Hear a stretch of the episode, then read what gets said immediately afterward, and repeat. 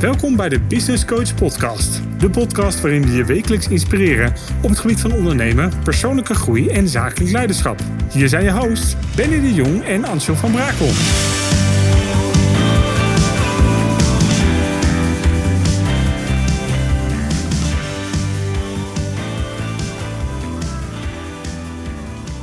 Welkom. Welkom. Welkom bij de tweede podcast. De tweede podcast, Benny. Ja, de met- twe- met tweede Hans. podcast. Het gaat. Oké, voor de luisteraars. ehm, de eerste podcast die is blijven hangen tussen Nederland en Spanje in. Ja, Ehm, maar Hans, welkom. dankjewel. En het leuke is, je weet nu wat je moet vragen, waar ik wel geen antwoord op geef. Zeker, zeker. Dus het wordt ook een hele andere podcast waarschijnlijk. Ach, dat hopen we tenminste. Ja, toch? En leuk dat we hier in Zeist mochten zijn. We hadden het er net al over. Je, toch, ja. eigenlijk je vaste plek op het moment dat je in Nederland bent. Ja, Hotel Vigi in Zeist is mijn vaste woon- en verblijfplaats als ik in Nederland ben voor optredens. Al heel veel jaren. Dat is te gek, want het is jammer, de luisteraar kan het niet zien. Maar we hebben hier een hele toffe ronde tafel in het voorname... eh, voor- het was eerst het café, hè? Het was het theatercafé. Dus hier zaten de mensen die naar de voorstelling gingen, gingen daarna. En ook vaak artiesten die hier opgetreden hadden en dachten: hé, hey, ik meng mij nog even onder mijn eh, toehoorders. Die kwamen hier ook voorbij. Dus ja, dit was altijd wel een eh, spannende plek. Nou, dat is de perfecte plek voor de tweede podcast. Eh, we gaan het vandaag hebben over ondernemerschap. We hebben zojuist al natuurlijk een, een bakje koffie gedaan. En eh, ja, ik kon het niet laten om al te beginnen over de allernieuwste... ehm, eh, ja, laat ik het maar noemen, de, de allernieuwste ja, hoe, eh, klus die je binnenkort gaat doen nou, over ja, AI. ja. Vertel, hoe is dat ontstaan? Ehm, nou, ik gaf een lezing voor een bedrijf dat heet Skillstown. En eh, dat is een onderwijsinstelling die via internet ehm, onderwijs aanbieden. Ik gaf een lezing voor dat bedrijf. De directeur komt naar me toe. En dat bleek iemand te zijn die al regelmatig lezingen over AI gaf. Dat was zijn specialiteit. Ehm, en al pratende zei hij eigenlijk tegen mij van ja, het belangrijkste van leren is dat het leuk is. Want A, nemen de, de mensen, de toehoorders, nemen het veel makkelijker op. En het blijft veel langer hangen. Het beklijft, om het maar zo te zeggen. En dat vond ik een heel interessant ge- gegeven. En toen zei ik, goh, misschien moeten we dan eens een keer iets samen doen. Want ik, geef veel, eh, ik doe veel van dat soort dingen. En in dit geval zou het kunnen zijn, we behandelen een aantal AI-onderwerpen. En tussendoor doe ik korte stukjes van drie minuutjes, vier minuutjes hooguit. Waar de mensen even ontzettend kunnen lachen of verbaasd kunnen zijn. Of als zaal erbij betrokken worden. En die combinatie, ja, die vonden we eigenlijk alle twee heel leuk. Daarom werd de titel ook de AI, of sorry, de magie van AI. De magie van eh, artificial intelligence. En de trucs die ik doe, dus de experimenten, hebben dan ook een beetje een link met de onderwerpen die eh, behandeld worden. En eh, ja, dat vind ik een geweldig project om aan te werken. En 7 december, 7 december moet ik zeggen, anders krijg ik op mijn kop. 7 december, eh, dan eh, gaan we de eerste doen. En dan eh, hoop ik dat het een heel leuk project gaat worden. Tof, heel leuk. Dus je gaat de mensen tussendoor even, even aanzetten, even opschudden, Ja. even, even stilzetten. Eigenlijk is dat precies, je drukt het heel goed uit. Wij noemen dat in theater, er moet een spanningsboogje zijn. Anders wordt het gauw saai. En als je vijf sprekers hebt, dat weet je ook wel. En hoe verschillend de onderwerpen ook zijn, het, het gaat maar door. Maar even ertussendoor een beetje ademhalen. Even lachen, even je gedachten verzetten. En je dan weer voor de volle 100% kunnen concentreren op hetgeen de volgende spreker te melden heeft. En dat werkt gewoon heel goed. Ja, want voor degenen die het niet weten, jij bent momenteel eh, zeer actief als spreker. Mooie samenwerkingen, zoals je zojuist al vertelt. Ook veel eh, solo als spreker. Ja, ja, dat is weer een heel ander. Dat doe ik hele andere onderwerpen. Want eerlijk gezegd ben ik niet degene die alles van AI weet. Absoluut niet. Maar ik leer wel veel trouwens hoor, tijdens deze sessies. Maar ik ben meer over ondernemen en eh, omgaan met eh, tegenslag. Dat zijn mijn specialiteiten. En hoe is dat zo tot stand gekomen? Nou, het is eigenlijk eh, spontaan ontstaan toen ik eh, alweer heel wat jaren geleden eh, een project had in Zuid-Spanje. Ik wilde daar een theater bouwen waar mijn kinderen zouden optreden. Toen Magic Unlimited. En toen dachten we, nou, de, de Costa del Sol, is, daar wonen we toen inmiddels al. Is een, en nu nog steeds trouwens. Is een prachtig terrein waar heel veel mensen uit de hele wereld komen. En als je daar een show neerzet die non-verbaal is. En interessant voor alle leeftijden. Dat zou ontzettend goed moeten kunnen werken. Nou, ik ga je het hele verhaal besparen. Maar uiteindelijk stond daar het theater. En het was echt een heel mooi theater. Met 600 rode stoelen, mooi aflopend. Prachtig licht, prachtig geluid, prachtige accommodatie. Maar eh, ja, daar zat uh, ook een Nederlandse investeerder in. Uh, die in het begin heeft, of die mee heeft gedaan om dat op te bouwen. En die uiteindelijk een betere goochelaar bleek te zijn dan ik zelf. Want die heeft mij gewoon heel simpel gezegd pootje gelicht. En daardoor was ik in een paar maanden tijd, laat ik zeggen in een half jaar tijd, was ik alles waar ik mijn hele leven voor gewerkt had, was ik echt kwijt. En meer dan dat, want uh, ik had onder andere mijn eigen huis in Spanje. En toen het hele project wat duurder werd dan gedacht, heb ik uh, uh, 100% hypotheek op mijn huis genomen. Dat alles in het project gestopt, want ik dacht, nou, als hij er geld bij gaat leggen, dan moet ik er ook geld bij leggen. Dat vond ik eerlijk. Ja, niet wetende dat uh, een paar maanden later hij uh, ergens aan een paar knopjes zou draaien. En alles was in één keer van hem in plaats van van mij. Ja, en toen? Ja, nou ja, en toen dan, dan word je, uh, daar word je heel naar van. Ik, was, ik lag echt op de grond en ik dacht, ik weet niet meer wat ik moet doen. Ik heb mijn hele leven gewerkt, ik ben alles kwijt. Wat nu? En dan komen er mensen naar je toe die zeggen dan van, ja, maar als er ergens in je huis een, een deur wordt dichtgegooid, gaat er op een andere plek alweer een raam open. En dat is ook zo. Maar op dat moment wil dat niet tot je doordringen. Dus ik was gewoon heel negatief en wist echt niet hoe ik verder moest. En dat heeft heel lang geduurd. Tot op een gegeven moment uh, Oscar, mijn oudste zoon, die kwam naar me toe toen ik echt in een vrij depressieve bui was.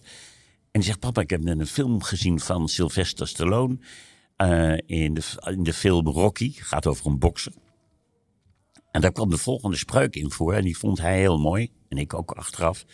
Die, die spreuk was: Het gaat er niet om hoe goed je kunt slaan. Maar het gaat erom hoe goed je kunt incasseren. En toen dacht ik: Verdomme, Hans Kazan. Waarom laat je je zo let, figuurlijk te neerslaan omdat je alles kwijt bent. Je geld afgepakt, je eer afgepakt, je, je droom in dichtelijk geslagen. Alles, alles was naar. Maar kom op zeg. Uh, even, je moet, je moet leren accepteren, dat is één. Je moet leren accepteren dat het nu eenmaal zo is. Uh, je moet vooral niet achterom kijken. Want achterom kijken, dan kijk je naar het verleden. Daar is toch niks meer te veranderen, want het verleden is al gebeurd. Dus er blijft nog maar één ding over. Als je niet meer achterom kijkt, en uh, ja, hebt geaccepteerd dat het nu eenmaal gebeurd is, kun je alleen nog maar een punt op de horizon zetten en denken: Weet je wat? Ik ga gewoon opnieuw beginnen. Daar, daar ga ik naartoe. En dan is het allermoeilijkste in het begin, vond ik althans, uh, het zetten van de eerste stap. Echt de eerste daadwerkelijke stap van daar ga ik weer.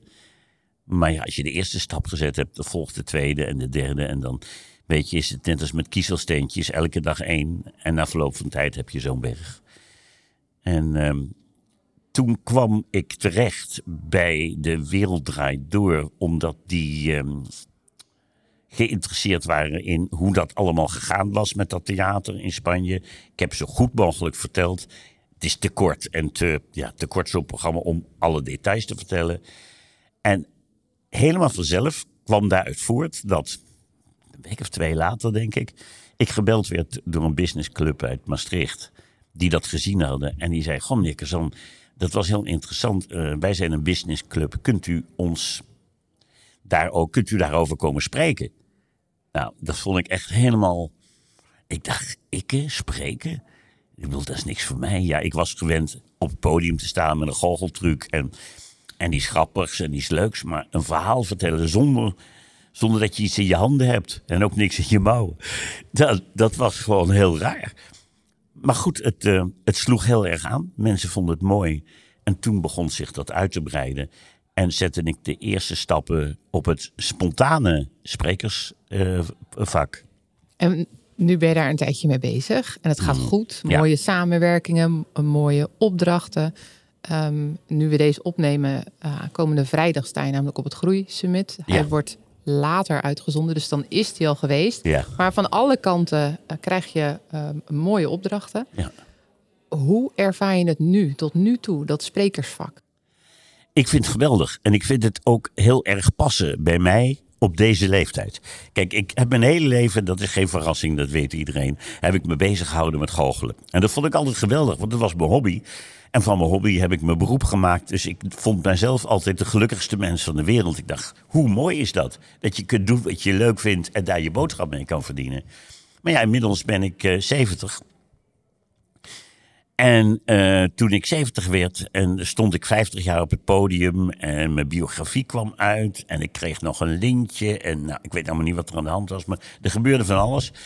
En toen vroegen een aantal journalisten: wat ga je nou doen? Ga je nou met pensioen of zo? Eh, ik zei: nee, natuurlijk niet. Want ik vind dit werk allemaal veel te leuk. Maar ik wil de komende tien jaar. Hè, ik was toen 70 geworden. Ik dacht, nou, tot 80 gaat vast nog wel lukken.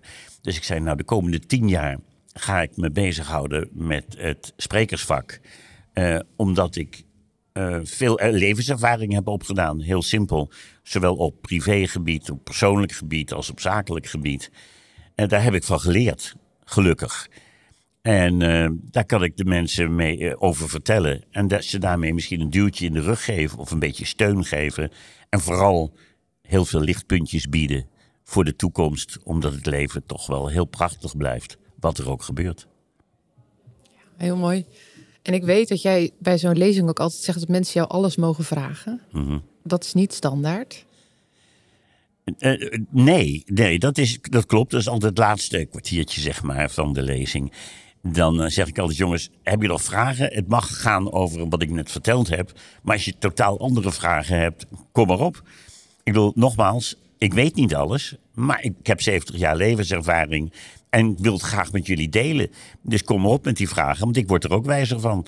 En eh, daar ontstaan vaak hele mooie discussies uit. En, en hele persoonlijke discussies. Die dan toch met de zaal worden gedeeld. En dat vind ik wel heel bijzonder. En daar verheug ik me ontzettend op. Juist omdat het totaal onvoorbereid is. Omdat het ja, voor de vuist weg is. Eigenlijk ook heel anders dan destijds met de shows. Want ik kan me voorstellen dat die behoorlijk gescript waren. Ja, ja, shows zijn over het algemeen heel erg gescript. Alhoewel ik daarbij moet zeggen, eh, wat gescript is bij de, de magic shows waar je het nu over hebt, eh, zijn natuurlijk de trucs, de effecten. Die moet je scripten, want anders dan, dan gaat het fout. Dat moet echt helemaal 100% kloppen. Het leuke daarvan is wel dat ik heel makkelijk al pratende eh, alle kanten op kan. Ik zeg altijd, ik moet het pad weten waarlangs ik ga lopen. Dat moet je weten. Maar het mooie is van improviseren dat je dan onderweg de bloempjes aan de kant van dat pad. Als je denkt, hé, hey, dat is een mooie, nou dan kan ik die plukken. En dan krijg je elke keer iets anders. En dat maakt het, eh, het leven een beetje leuk. Anders zou het wel heel saai worden. Super mooi. Wij, zaten net hier in de lobby en toen zag ik alweer een suikerzakje oh, alle kanten op gaan. Ik denk, gloeide, gloeide. Ik ben er weer ingetrapt.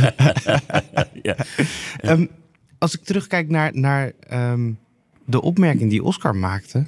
Van, eh, het maakt niet uit hoe hard je kan slaan, maar het is hoe hard je kan incasseren. Goed, je kan incasseren, ja. Ehm, familie is heel belangrijk. Mijn gezin is heel Ja. belangrijk. Dat, eh, dat is iets anders dan familie. Familie zie ik als iets heel ruims met tantes en ooms en weet ik veel. Daar heb ik nooit zo contact mee gehad. Ehm, maar mijn gezin is heel belangrijk Ja. eh, voor mij. En mijn gezin bestaat uit Wendy, uiteraard. eh, en alle kinderen en alle aanhang. En de inmiddels tien kleinkinderen die daar achteraan hangen. En als je zegt tien kleinkinderen, tien? Ja, mijn zonen hebben toverstokjes. Oh, mooi. Ehm, gezin is dus heel belangrijk. Ja. Maar dus ook de opmerking van elkaar mogen leren is ook belangrijk. Ja. Ik, ik denk dat heel veel ouders mogelijk zouden kunnen hebben gehad van wat zeg jij nou, leuk die film, eh, maar dat. Nee, nee dit, dit klopt helemaal. Eh, dat doen we al van jongs af aan. Eh, toen de kinderen begonnen met illusies en spektakel. Vooral Oscar waren dat toen. En Renzo samen met Mara. Die vormden de groep Magic Unlimited. Steven ging toen mee als stagehand, zeg maar. Maar ze waren allemaal heel jong nog. En dan zaten ze in de auto. En dan was het echt zo van... Nee, maar papa, die truc die je vanavond gaat doen met dat touwtje... dat doe je toch al honderd jaar. Moet je niet eens een keer wat anders doen? Het wordt zo... zo het, het- in het begin antwoordde ik van, ja jongens, maar de mensen vinden het nog steeds hartstikke mooi, hè? Want ze klappen hun handen stuk. Maar toen ging ik over nadenken. Toen dacht ik, ja, stilstand is achteruitgang. Dus ik ben dingen gaan veranderen. Het effect is er nog wel, maar op een andere manier, met een andere muziek, met andere woordkeuze. Het was inderdaad ouderwets aan het worden. En dat heb ik veranderd dankzij hen. En ik heb de kinderen weer kunnen bijspijkeren, omdat ik veel ervaring heb. En die kan ik laten geven. Van, jongens, dit is mijn ervaring. Ga het rustig uitproberen zoals je zelf wil. Dat moet je helemaal zelf weten. Ik bemoei me nergens mee. Maar ik kan je zeggen uit ervaring dat dat en dat en dat waarschijnlijk gaat gebeuren. En nou ja, in, in acht van de tien gevallen was dat ook zo. Dus zo hebben we elkaar uh, op weg gehouden, om het maar zo te zeggen. En inderdaad, de ouderen kunnen leren van de jongeren en andersom. In de vorige podcast, die uh, mm. tussen Nederland en uh, Spanje aan het zweven nog steeds is, vroegen we ook van wat zijn nou de tips zijn die je aan je kinderen hebt meegegeven op het gebied van ondernemen? Tips van de expert. Op gebied van ondernemen. Oh, dat vind ik moeilijk. Uh, het, het, de, het beste. Kijk, als mensen aan mij vragen, buitenstaanders of mijn kinderen, van wat is nou belangrijk om in dit vak, um, in het goochelaarsvak hadden we het toen over natuurlijk. Wat zijn belangrijke dingen? Waar moet ik maar. En dan roep ik altijd: zorg dat je dicht bij jezelf blijft. Dat is eigenlijk altijd mijn antwoord geweest. Want dat geldt voor alles wat je doet. Of je nou een entertainer bent, of je bent een, een timmerman, of je bent een dokter, of je bent. Het maakt me echt niet uit. Blijf dicht bij jezelf. Want als je dicht bij jezelf blijft, dan ben je op de eerste plaats je origineel, ben je iets bijzonders. Want niemand is precies hetzelfde als jij bent. Um, en het, het geeft je ook een bepaalde kracht, want je bent jezelf. Je hoeft geen rol te spelen, je hoeft geen toneel te spelen. Wees jezelf. Of blijf in ieder geval heel dicht bij jezelf. Dat vind ik belangrijk. Ja, en daarbij kwam eigenlijk vorige keer ook het stukje betrouwbaarheid en afspraak is afspraak. Ja, ja dat spreekt voor zich. Het, het is bijna logisch, hè? Ja, ja, ja, dat vind ik echt heel logisch. Ik bedoel, kijk, als je in een onderneming of in een bedrijf of in je werk of in wat ook niet betrouwbaar bent, ja, dan moet je al heel gauw op, af, eh, afgevoerd. Ja. En dat merk je mensen die liegen, mensen die bedriegen, mensen die stelen, mensen die uh, de boel verdraaien. Ja, die kunnen wel even korte succesjes boeken van, haha, ik ben lekker slim en nee. Mm. ja, dat zijn gewoon enge sprookjesfiguren van, hey. ja. weet je wel. Maar ja, normaal, je moet gewoon normaal doen. Gewoon normaal. Zakelijk zijn betekent niet elkaar uh, aftroeven of dingen van elkaar afpakken. Het is om samen met z'n allen iets moois te creëren. Dat is het. Ja. En als dat je lukt, waarbij iedereen om je heen blij in die stroom meegaat en er ook allemaal wat aan, aan dat iedereen er wat aan heeft. Ja, dat is de manier waarop je moet werken. En zeker uh, denk ik, als je met een groep werkt, ja, dan is het belangrijk dat je je mensen allemaal gemotiveerd houdt. Uh, dat ze meegaan, dat meegaan in de leuke momenten en ook meegaan in de momenten dat het eens even helemaal niet goed gaat. Maar je beleeft alles met elkaar, want het gaat om één doel wat je wil bereiken. En blijf dicht bij jezelf. En blijf vooral ja. dicht bij jezelf, dat is belangrijk. Ja, en als we het dan hebben over afspraken is afspraken en doe wat je hebt gezegd, mm. dan moet ik nog even wat inlossen. Vertel. Ja, ja, dat klopt. Pak het er maar even bij, Benny. En ik weet wat hij gaat pakken nu. Ik, ik ben nu al heel nieuwsgierig. Wat is dat dan? Hé, hey, Koenen. Ach, wat leuk. Een fles Koenen Rioja. Ja. Heerlijk. Oh, en een Grand Reserve ook nog. Zeker. Maar, maar hoe, hebben, hadden we daar een afspraak over? Ik ben er heel blij mee, ja. hoor. Wij hadden afgesproken, als wij elkaar weer zien... Ja. dan nemen we een fles rode wijn mee. Ja, maar dit is wel een hele bijzondere, hoor. Zeker. En hij is erg lekker. Ik heb hem van het weekend al geproefd. Ja, dit is geweldig. De Koene Reserva. Dat is echt een, een prachtige, een Grand Reserva. Rioja. En daar is Wendy ook heel blij mee. Gelukkig. Ja, ja. Nee, vanavond, wat was als, als, ja. ja, vanavond moet kunnen, denk ik. Nou ja, anders morgenavond. Ja, we gaan hem openmaken. Hij, is, hij is bekend. Nou, leuk. Ja, hij is bekend. We kennen deze wijn. En, maar die koop ik niet zo vaak zelf, want het is een behoorlijk prijzige wijn. Die drink je niet elke dag. Maar wel met z'n tweeën. Absoluut. En ja, natuurlijk. En, ja. en, als er geniet moet worden van wijn, ja. dan kan je beter een goede drinken. Ja, precies. Ja. Ja, Nou, dit is echt een hele mooie. Dankjewel. Alsjeblieft. Leuk. Als we dan, dat was eigenlijk het stukje afspraak is afspraak. Waar ik eigenlijk... Dat mag je nog wel een paar keer herhalen zo. Ja? nee, nee, ik, zie, ik zei het net ook al in de lobby, dat we misschien dat we er toch nog wel een serie van gaan maken. Ja. Van de podcast, als er iedere keer een fles wijn bij komt. Ja, ja, ja. De, de, de luisteraars, die, die, wij krijgen best wel wat berichten van luisteraars over de inspiratieniveau wat, wat, wat er in de podcast zit. Ja. Wa- waarmee zou je de podcast vandaag, als je in de auto zit, op weg willen sturen?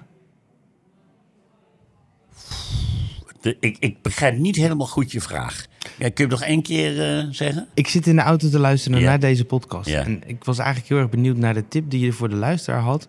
Ja. Om vandaag eigenlijk die eerste stap te kunnen gaan zetten. Ah, oké. Ja, ja da- dan is denk ik eh, die, een, een hele belangrijke stap. Het is maar een, kleintje, maar wel belangrijk. eh, dat je moet proberen in het leven om vooral te kijken naar wat je al hebt. En niet te veel kijken naar wat je mist. Want als je te veel kijkt naar wat je mist, dan word je altijd ongelukkig van. Ah, Ja, ja, ja het lukt niet. eh, ik krijg het niet voor elkaar. Niet, maar je- als je kijkt naar wat je hebt, daar kun je heel blij van worden. En dat hoeven maar kleine dingetjes te zijn. Maar kijk naar wat je hebt en niet te veel naar wat je mist. Mooi. Als ik hem kort samenvat, als je in de auto zit, kijk niet te veel in je achteruitkijkspiegel. Maar kijk vooral voor je op de weg. Ja, precies. Maar wel af en toe toch even in die achteruitkijkspiegel wie je nou weer aan de verkeerde kant aan het inhalen is. Ja, ja, ja, ja, ja, ja. ja, mooi. Nu heb je het steeds, zeg je eigenlijk van heel belangrijk om dicht bij jezelf te blijven. Ehm, jouw leven is behoorlijk ook wel in de spotlight gezet. Ook op het moment natuurlijk dat het in Spanje eh, flink misging. Dan is het niet alleen het team en het gezin, maar dan kijkt er gewoon meteen een hele club mee. Ja. Hoe doe je dat? Want dat lijkt me toch wel heel stevig, want iedereen heeft een mening. Ja. Ja, dat is niet leuk. Dat eh, kan ik je vertellen. Kijk, eh, publiciteit is leuk als je iets te verkopen hebt. Als ik een nieuwe theatershow heb en het komt in blaadjes en kranten, dan denk ik, oh, mooi. Want dan komen er extra veel mensen naar zo'n programma toe. Als er iets negatiefs gebeurt, zoals er toen gebeurde, hè, eh, dan is het niet leuk. Vooral als je dan nog eens een keer beschuldigd wordt van eh, eh, nare dingen. Dat was echt, ehm, dat vond ik niet leuk. Maar ik ben er denk ik toch redelijk goed uit voortgekomen. Door, en daar komt hij weer, heel dicht bij mezelf te blijven. En heel duidelijk aan de mensen te vertellen, dit is het. Zo is het gegaan. En dit heeft dit heeft, zo heeft het mij geraakt. Ik ben er heel naar van geweest. Ik ben er ongelukkig van geweest. Heel ongelukkig zelfs. Maar stapje voor stapje ben ik toch weer eh, opgeklommen. Ehm, en nu ben ik weer een, eh, een blij en gelukkig mens. Het heeft wel een jaartje of wat geduurd hoor. Dat gebeurt echt niet in een paar maanden. Ik lijkt, het is geen tovertruc van eh hocus nou ben ik weer happy. Nee, zo snel gaat het niet. Maar je moet er gewoon aan werken. Nogmaals, vooral dicht bij jezelf blijven. En eerlijk blijven. Ook tegenover al die journalisten die met allemaal dingen komen dat je echt denkt: waar hebben ze dit vandaan? Hoe verzinnen ze dit nou weer? Het slaat helemaal nergens op. Ik kan me ook voorstellen dat ze wel geprobeerd hebben om je daarin ook wat te triggeren. Want ik weet dat jij bijvoorbeeld nooit de naam hebt gezegd van ehm, degene die je destijds heeft pootje gelicht. Ja. Ehm, dus je hebt je niet uit de tent laten lokken om tot moddergooien te gaan. Nee, nee, nee, nee, nee, absoluut niet. Nee, ik hou niet van modder gooien. En het heeft ook to- totaal geen zin. Ehm, er zijn zelfs na die hele situatie, echt een paar jaar later, kreeg ik heel veel aanbiedingen, echt aanbiedingen van advocaten. Nou, voordat je een aanbieding krijgt van een advocaat. Die da- dan riepen van Hans, wij willen dit project, wij gaan dat geld voor je terughalen. Als het, eh dat kost je niks. Alleen als we het terughalen, dan splitten we het zo en zo en zo. Ik zeg, ja, maar hoe lang gaat zoiets dan duren? Ja, een jaartje vijf of zo. Ik zeg, jongens, dat gaan we echt niet doen. Ik zeg, want ik wil niet zoveel jaar van mijn, eh, van mijn leven gaan verpesten met rechtszaken en eh, liegende mensen en draaiende situaties. En ik zeg, daar word ik heel ongelukkig van. Dus ik begin liever van vooraf aan, helemaal opnieuw, dan dat ik nog vijf jaar met modder moet gaan gooien naar andere mensen. En die oplichten, en die boef, en die schurk, en die weet ik veel wat allemaal. Dat is helemaal niks voor mij. Daar word ik ongelukkig van. Dus dat heb ik mooi aan de kant geschoven. Ik dacht, doe maar. Ik begin gewoon opnieuw. En daar ben ik heel blij om. Echt heel blij om dat ik dat zo gedaan heb. Ja, dat snap ik. Ik ben eigenlijk wel heel erg benieuwd. En dat meestal zit hij wat verder in de podcast, maar ik ga hem er gewoon nu ingooien. Want ik zou het heel tof vinden als ik een zinnetje begin en dat jij hem afmaakt. Oké, spannend. Ja, er komt de eerste aan. Stellingen en vul maar aan. Uh, ondernemen is voor mij Een hobby. een ideale dag. Een ideale dag is voor mij eigenlijk bijna elke dag, omdat ik elke dag wel leuke dingen doe. Als er geen leuke dingen gebeuren vanzelf, dan verzin ik ze zelf wel. Maar ik probeer echt elke dag, dat is ook iets wat ik meegeef aan al mijn kinderen, maak elke dag zo leuk als je kan. En dat hoeft niet ingewikkeld, hè. Ik hoef niet op reis in een gouden Rolls Royce naar een ver land, helemaal niks. Als ik morgens gezellig een kopje koffie kan drinken met iemand, dat vind ik al leuk. Dus eh, ja, eh, dat dus. Je kunt mij wakker maken voor.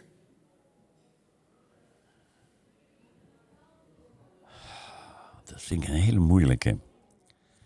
Dan moet ik dus iets noemen wat ik fijn en lekker... Ik zit toch gelijk naar die fles Koenenwijn te kijken die hier naast me staat. Maar dan ga ik niet s'nachts midden in de nacht opdrinken. Alhoewel ik dat heel erg lekker vind. Nee, ik, ik, ik, dat zou ik even niet weten. Nee. Mij niet bellen. Je mag me altijd bellen. Ik, ik, heb tot ergernis van mijn vrouw altijd mijn mobiele telefoon aanstaan. Zodat ook s'nachts om drie uur worden wij gebeld door wildvreemde studenten. Die roepen van Hans, kun je nog een lekker wijf toveren? Nou, dat soort dingen dus. En, en dan zegt ze, waarom zet je hem niet af? En dan zeg ik altijd, ja, maar stel nou voor dat er iets is met een van de kinderen. Dan kunnen ze me niet bereiken. Dat wil ik niet. Liever dat gezeur van die dronkenlui midden in de nacht. Dan dat ik er een keertje niet ben als de kinderen me nodig hebben. En dan is niet de overweging, ik neem een tweede nummer. Nee, nee, dat is, ik hou niet van ingewikkeld. Ik word heel gauw, dan loop ik altijd met de verkeerde telefoon te bellen en zo. Dat is echt iets voor mij. Dat, eh, daar ben ik te waarhoofdig voor. Niet iedereen. Oh, dat is het ook? Ja, niet Eh. iedereen. Ehm, niet iedereen is goed en ook niet iedereen is slecht. Op een kruispunt. Is het moeilijk kiezen?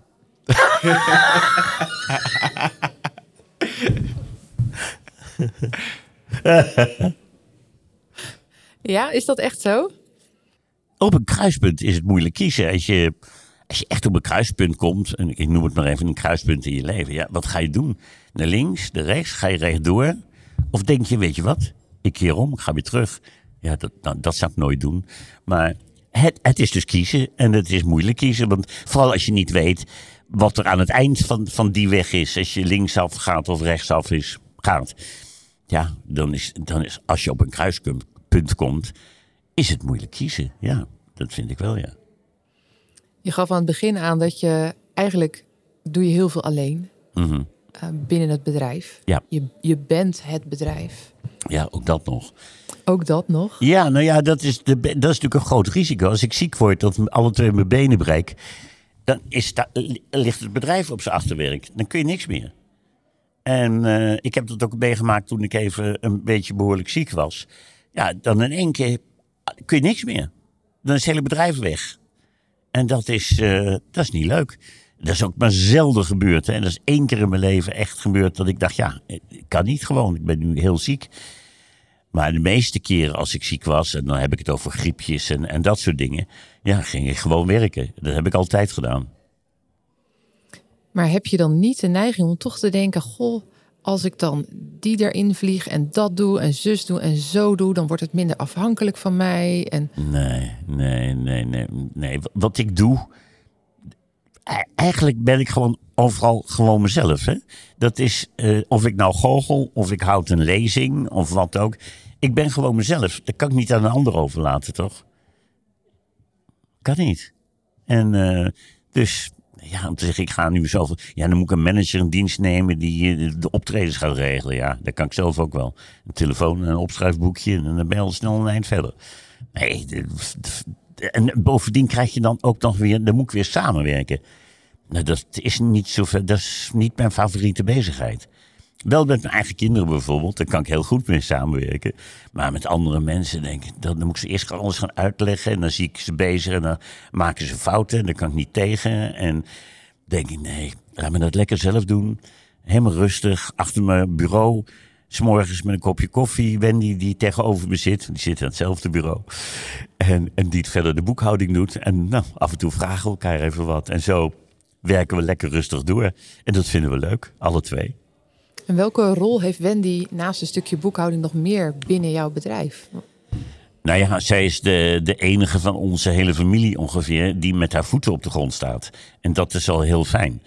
Ehm, wij allemaal, en als ik zeg wij bedoel ik alle kinderen en zo, en ik, wij zijn gauw heel enthousiast over iets. En dan gaan we een beetje vliegen van de grond af. En oh, dit is een mooi plan. En oh, dan gaan we zus doen. En oh, en dan huren we carré af. En dan ba, ba, ba, ba, ba.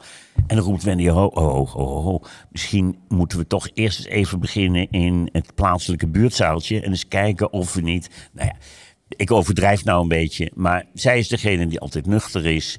Uh, en zij is degene die mij blij houdt. En optimistisch houdt. En Weet je, als ik me even niet zo lekker voel, is daar Wendy. En daar word ik vanzelf weer blij van. Ja, dus eigenlijk ben jij niet het bedrijf, maar zijn jullie? Ja, ja, we zijn absoluut samen het bedrijf. Ja, eh, als ik zeg ik ben het bedrijf, is omdat ik, nou, ik ben niet het bedrijf, ik ben het product. Ja. Als ik het dan heel goed wil zeggen. Ik ben het product, maar ik ben niet het bedrijf, zijn we eigenlijk samen. Want uh, we doen alles samen, bedenken alles samen. Uh, heel vaak als ik ideeën heb, dan leg ik ze voor. En nou, dan weet ik, als ik teksten schrijf, ik moet bijvoorbeeld, of ik moet, maar ik schrijf voor LinkedIn heel veel posts. Ja, ik laat ze altijd eerst aan Wendy lezen. En die is heel kritisch, echt heel kritisch. Dus die begint, nou, dat vind ik helemaal niks. En dat, waar slaat dat nou op, dat je dat schrijft? En dan ga ik het lezen en denk ik, ja, shit, ze heeft wel gelijk. Dat is wel... En dan zeg ik, oké, ik ga het overschrijven. En soms ben ik wel drie of vier keer om het aan het overschrijven. Ja, nou vind ik hem wel leuk. Ja, nou vind ik hem wel leuk. Nou, als ze dat en dan heb je waarschijnlijk alles aangepast wat jij de mooi hier vond. Ja, ja, ja. Ik, ja ze, ze, ziet het vaak wel, want dan achteraf lees ik dat wel eens terug.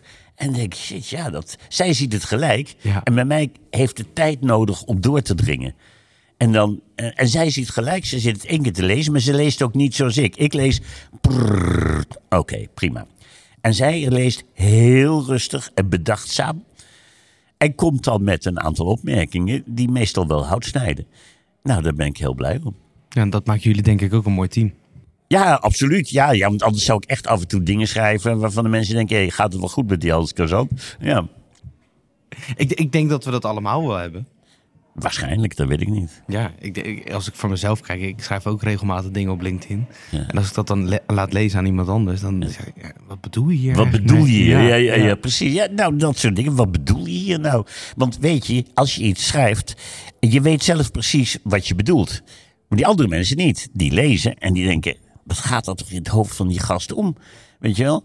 En dan, ja, dat is, uh, dat is een kunst. Je moet dat leren. Ook schrijven is natuurlijk echt een vak, hè? Eigenlijk. Zeker waar. Heb je wat met dat platform, met LinkedIn? Of is het ja. een moetje? Nee, nee, absoluut niet. Ik, ik doe niks meer op alle andere dingen. Vroeger zat ik op Twitter en hoe heet dat andere, in, in Instagram.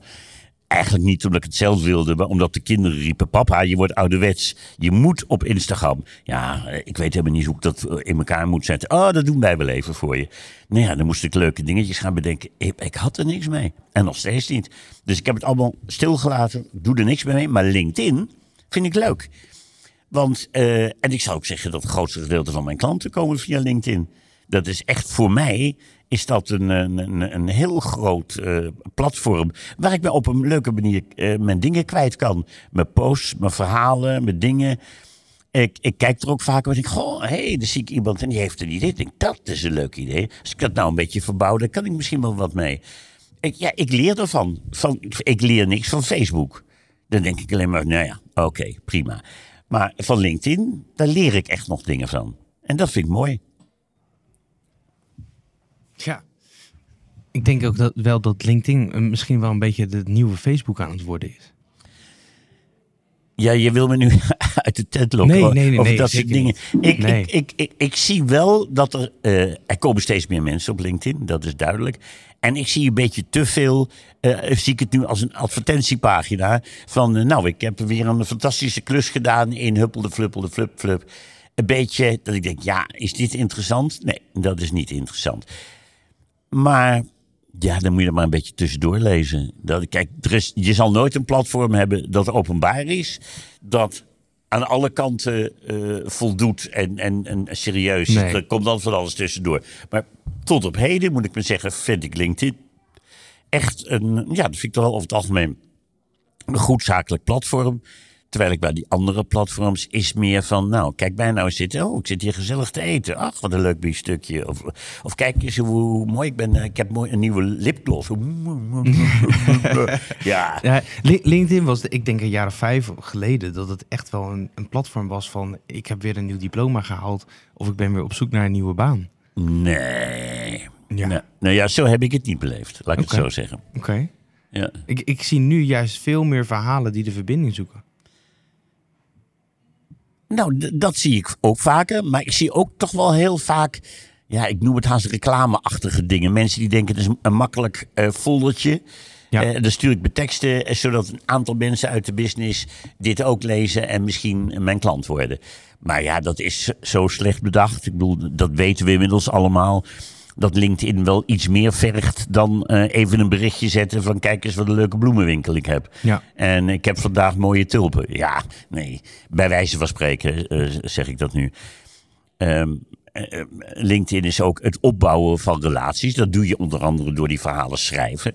Je krijgt reacties, daar reageer je op. Ehm, en ik merk zelf ook, er komen heel veel mensen op mijn LinkedIn die eh, reageren, terugkomen en die je langzamerhand leert kennen, terwijl je ze eigenlijk nog niet eens persoonlijk kent. Ja. En, en, maar, maar die met goede dingen komen. Dat zijn niet mensen van. Nee, met, met serieuze dingen. Opmerkingen eh, op of aanmerkingen. En dat vind ik heel leuk. ja.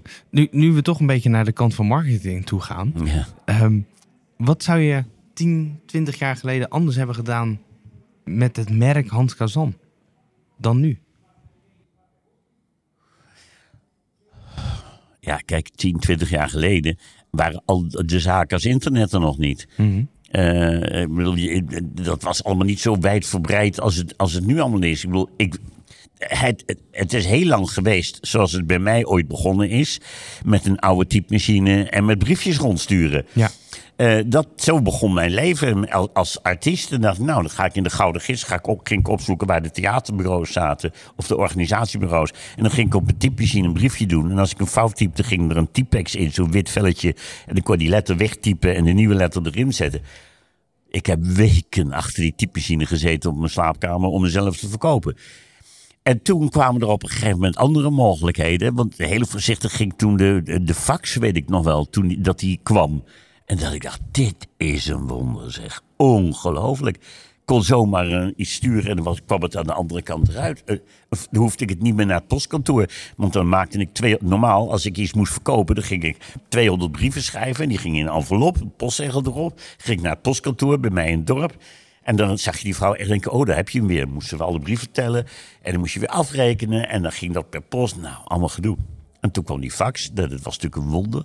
Ja, en het grootste wonder was natuurlijk internet. En eh, toen dat kwam, dat was echt, toen, toen ging de wereld open qua snelheid, qua mogelijkheden, qua manieren van communiceren met elkaar. Ja, dat was echt wel wonderbaarlijk.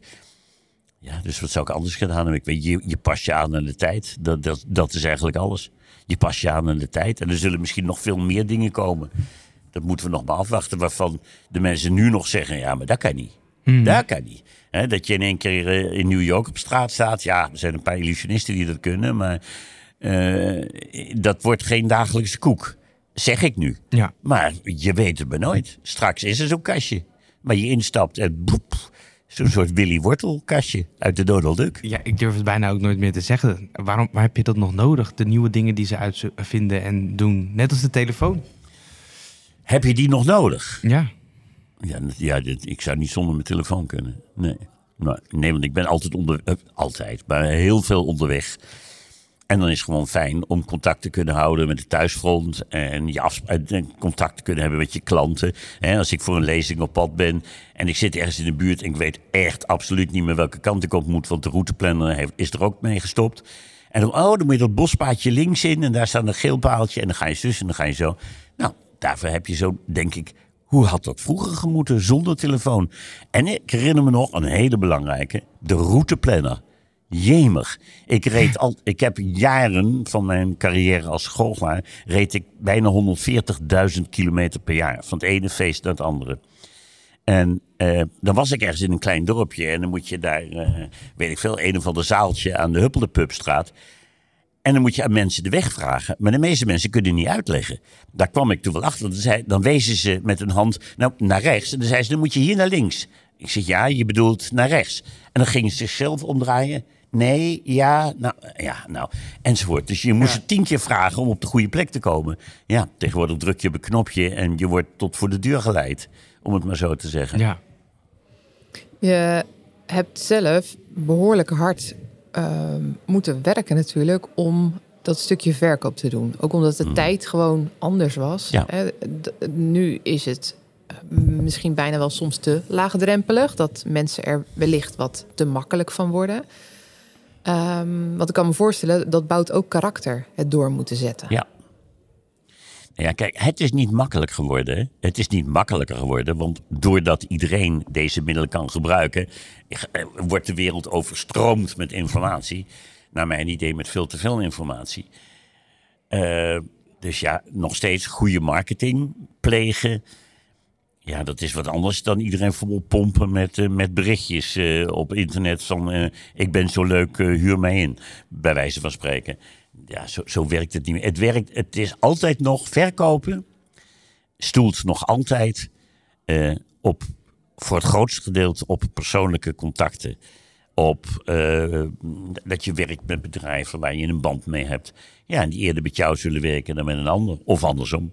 Dat gebeurt ook. Er zijn bedrijven die denken, god, daar wil ik wel graag mee werken. Maar ja, die hebben dan al een spreker of die hebben al een goochelaar. Ja, daar kom je niet zo gauw tussen, want daar is een band. Ja, dat is. eh, en dan kun je proberen daar tegenin te gaan. Maar zomaar in het wilde weg briefjes gaan sturen en foldertjes en reclame.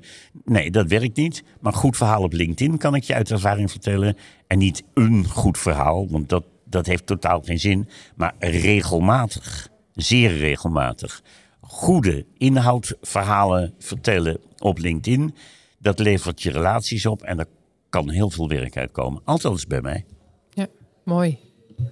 Ehm, heb je ook nog relaties eh, van eh, voorheen, waar je dus nu als spreker aan de slag gaat? Nee, niet echt. Nee. Nee, dat is, het is echt een andere wereld. Het is echt een andere wereld. De, als, als, als goochelaar zit je in de wereld van het entertainment. Dan kom je op de bekende feestjes en partijen. En daar staat een band en die doet eh, veel hoempa-muziek bij wijze van spreken. En het geluid staat altijd veel te hard op die feesten. Eh, en dan moet je wel wat... Ja, nee, dat is niet meer mijn plek. Ik heb het mijn hele leven gedaan. Maar ik zal je eerlijk zeggen dat ik... Er is zo- zo'n film waarin ze dat zeggen... I'm too old for this shit. Ik weet niet welke film dat is. Maar weet jij welke dat is? Nee, nee, Nee, maar ik ja. ken hem wel. Ja, ja, ja. I'm too old for this shit, denk ik dan. Ik, ik, dit soort feesten is niks meer voor mij. Maar een lezing geven is heel wat anders. A, bijna altijd overdag. Dat vind ik fijn. Eh, B, zitten die mensen allemaal aan, op een stoel en zijn geïnteresseerd. Terwijl als je op een feest komt, willen die mensen alleen maar... En die willen drinken, die willen dansen, die willen feesten. Er is niks verkeerds aan, maar dat is niet zo mijn plek meer. Daar kan ik me niet zo goed, eh, daar voel ik me niet zo prettig. Terwijl bij die lezingen wordt er geluisterd naar wat je zegt. En ik vind dat dat gewoon meer bij mij past op dit moment als 70-jarige eh, dan op feestjes goocheltrucs doen. En wat wel leuk is, en dat ga ik dan toch nog even vertellen. Dat als ik naar zo'n lezing toe ga, dan heb je altijd een voorbespreking, telefonisch. Krijg je de directeur of iemand van het bedrijf aan de lijn. Die spreekt de speerpunten door waarover je het gaat hebben, et cetera, et cetera. En aan het eind zeggen ze bijna altijd: Ja, ja, meneer dat is leuk. Nee, we verheugen ons erop. Maar ik heb nog één vraag. En dan zeg ik altijd: Ja hoor, dat is goed. Eh, want dan willen Een ze aan- een goocheltruc. Ja. Ja. En Hans Kazan komt niet weg zonder minimaal één goocheltruc. En dat vind ik helemaal niet erg. Dat doe ik met heel veel plezier. En welke doe je dan het liefst? Dat is een goede vraag. Eh, ik heb, ik heb een, eh, een, een truc die ik eigenlijk al een heel leven lang doe. Met drie stukjes touw. Drie, drie stukjes touw van verschillende lengten die even lang worden. Dat trucje is niet zo bijzonder. Dat zit in elke goocheldoos. Maar eh, het verhaal erbij is leuk. En dat is in mijn geval een verhaal over drie beren die in slaap vallen en een kruik. En ik ga het je allemaal besparen nu, voordat je denkt dat ik seniel word. Maar het is een hele leuk, het, is een heel mooi verhaal. En of ik daar nou mee sta in een theaterzaal, ik sta in een klein feestje met jongelui in een boerenschuur. Ik sta op Lowlands, heb ik hem gedaan, in de, in in de Juliette, in die grote tent. En de mensen vinden het geweldig. En is die hele zaal helemaal doodstil. En dat vind ik mooi. Want dat is ja, een combinatie van theater en goochelkunst. En daar houd ik van. Toen je op een gegeven moment eh, je was gevraagd, je ging als spreker aan de slag, die eerste klus was gegaan. Hoe reageerde het thuisfront daarop? En Je, je Ja, klinkt nou- heel erg alsof je een soort van thuisgekomen bent in dat sprekersvak. Van dit is, het is nu de tijd, het andere is geweest. Ik, ik kan hier mooi, mooi impact Wendy, maken. Wendy zei altijd, en dat zei ze van het begin, heeft altijd gezegd, en dat zegt ze nu nog steeds, gelukkig. Dat is, Hans, je hebt gewoon de gave van het woord. En daarmee bedoelt ze dat ik ehm, heel makkelijk mijn gedachten kan verwoorden, om het maar zo te zeggen. Of dat nu een voorbereid verhaal is, wat ik al lang ken, of het is een improvisatie, dat maakt niets uit. Ik kan mij gewoon makkelijk, ik kan makkelijk verwoorden. En ja, ik- voel me daar dus prettig, want dan hoef ik bij een goocheltruc moet je allemaal nog allemaal technische dingen doen, hè? Buiten het verhaal moet je allemaal technische dingen in de gaten houden. Je moet de invalshoeken in de gaten houden. Er komt van alles bij. En alleen maar praten, dus spreker zijn, dat vind ik al heel erg prettig. Ja, gewoon, want dan kan ik gewoon helemaal, dan komt hij weer, heel dicht bij mezelf blijven. En dan denk ik, wat leuk nou toch. Ik kan gewoon mezelf zijn, blijven wie ik ben, vertellen wat ik denk. En de mensen vinden het mooi. Nou, dat is toch weer mooi. En dat is een geweldig vak. Ja, ja. Ik- En, en, en, ik- en dan weet je, en dan doe je ook nog eens een keer, zit er iets positiefs aan. Dat je mensen, en dat merk je in dat laatste kwartier, als ik met die zaal praat, dat de mensen echt geboeid zijn. Eh, dat ze er iets van opsteken. Dat er, vragen opkomen. Je, je betekent iets in het leven van die mensen. Niet iets heel zwaarwichtigs, maar kleine puntjes. En vooral wat ik zeg, dat ze er iets van leren is al belangrijk. Maar nog belangrijker, dat je ze wat lichtpuntjes mee kan geven. Van jongens, zo erg is leven toch niet. Er kunnen wel nare dingen gebeuren, maar hou een beetje de moed erin. En eh, er komen vanzelf weer leuke dingen op je pad. Heel simplistisch gezegd komt het daar een beetje op neer. Het woord, of eh, eh, de gave van het woord, die, die, die herken ik wel hoor. Ja? Want, eh, ja, de, de verha- ik, ik, ik luister gewoon heel graag naar de verhalen. En nu ook in deze podcast. Ik, ik ben aan het luisteren en ik denk, ja, wat mooi. Wat mooi dat het, dat het eigenlijk alle puzzelstukjes allemaal samenvallen. Ja, nou, dat is ook heel mooi als puzzelstukjes samenvallen. Want het leven lijkt vaak één grote puzzel. Ja. Eh, maar ja, ik, ik, heb altijd, ik heb nooit mensen begrepen die puzzelen. Mijn vrouw kan puzzelen. Die koopt dus zo'n doos met duizend stukjes en die gaat ze in elkaar leggen. En dan denk ik, dit is, zeg ik ook altijd, dit is toch helemaal krankzinnig. Je hebt de grote tekening. Ja, het is zo'n mooie tekening. En die knip je in allemaal stukjes. En je flikkert die boel in een doos en gooit ze door elkaar. En dan ga je ze weer aan elkaar plakken. Ik waarom doe je dit? Dat is toch tijdverspilling? Nou, zij heeft daar een hele andere uitleg voor. Dat ga ik je nu besparen. Maar ik heb wel het idee, het leven is sowieso natuurlijk eigenlijk inderdaad een grote puzzel. Maar hij is al kant en klaar.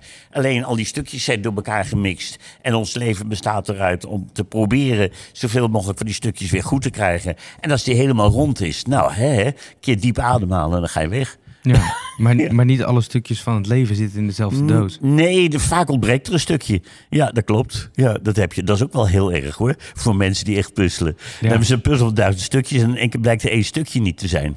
Jummer, kan dat nou? Ja, ja maar ja, dat, zo is het leven. Ik, ik denk dat we hem eh, moeten gaan afronden. Ja. De samenvatting die ik ervan maak is dat Hm. het leven dus een puzzelstuk is. een doos met puzzelstukjes. Je hebt niet alle stukjes op voorraad. Uiteindelijk, na, ze- na 70 jaar kom je erachter. Er zijn wel heel veel puzzelstukjes op de goede plek gevallen. Blijf dicht bij jezelf. Ja. En ik denk ook wel het stukje gezin wat belangrijk is. Voor mij het allerbelangrijkste. Ja, ja mijn gezin is echt uh, super belangrijk. want ja, uh, nee, je weet, ik woon in Zuid-Spanje. En uh, bijvoorbeeld Lara, mijn dochter, die is de enige die niet in de showbusiness zit. Die heeft met, samen met haar man een groot eh, bedrijf met huizen. Dan weet ik veel wat allemaal. En hun kantoor is nou nog geen vijf minuten van ons vandaan. En ongeveer een keer of drie of vier in de week belt ze op van... oh, kan ik even bij jullie een boterham eten? Want dan hoef ik niet op de zaak en dan moet ik weer een broodje zaken en weet ik veel. Ik zeg, natuurlijk, dat vind ik zo leuk. En dan denk ik, daar word ik blij van. En, uh, en zo is hetzelfde met de kleinkinderen. Ja, uh, dan belt een van de kleinkinderen... ja, ik moet vandaag afzwemmen, kom je kijken? Ja, natuurlijk kom ik kijken als ik er ben. En ik weet het niet, dat, daar, dat zijn allemaal kleine dingen. Dat zijn die kleine dingetjes waar ik het eigenlijk net over had. Waar ik heel blij van kan worden. Kijk naar wat je hebt en niet te veel naar wat je, wat je mist. Maar als je kijkt naar wat je hebt, je hebt zoveel. Je hebt zoveel, alleen op een gegeven moment vind je dat allemaal gewoon. Of je, of je ziet de waarde er niet goed van in. Maar uh, er is zoveel waar je van kan genieten. Maar je moet het een beetje leren. Het is ook een, een levenshouding. Mooi. Heel mooi. Hans, we gaan jou heel erg bedanken. En uh, ik kijk er erg naar uit om jou vrijdag uh, in actie te gaan uh, ja, zien. In Doorn, hè? In. Ja. En jouw verhaal daar te horen. Heb jij nog een afsluitend woord voor onze luisteraar? Een afsluitend woord, dat vind ik altijd zo moeilijk. Dat is net afscheid nemen. Nou, dus mijn, mijn, mijn laatste woord is van... jongens, we gaan nog lang geen afscheid nemen. En jullie zijn nog lang niet van me af. Het allerbeste en tot ziens.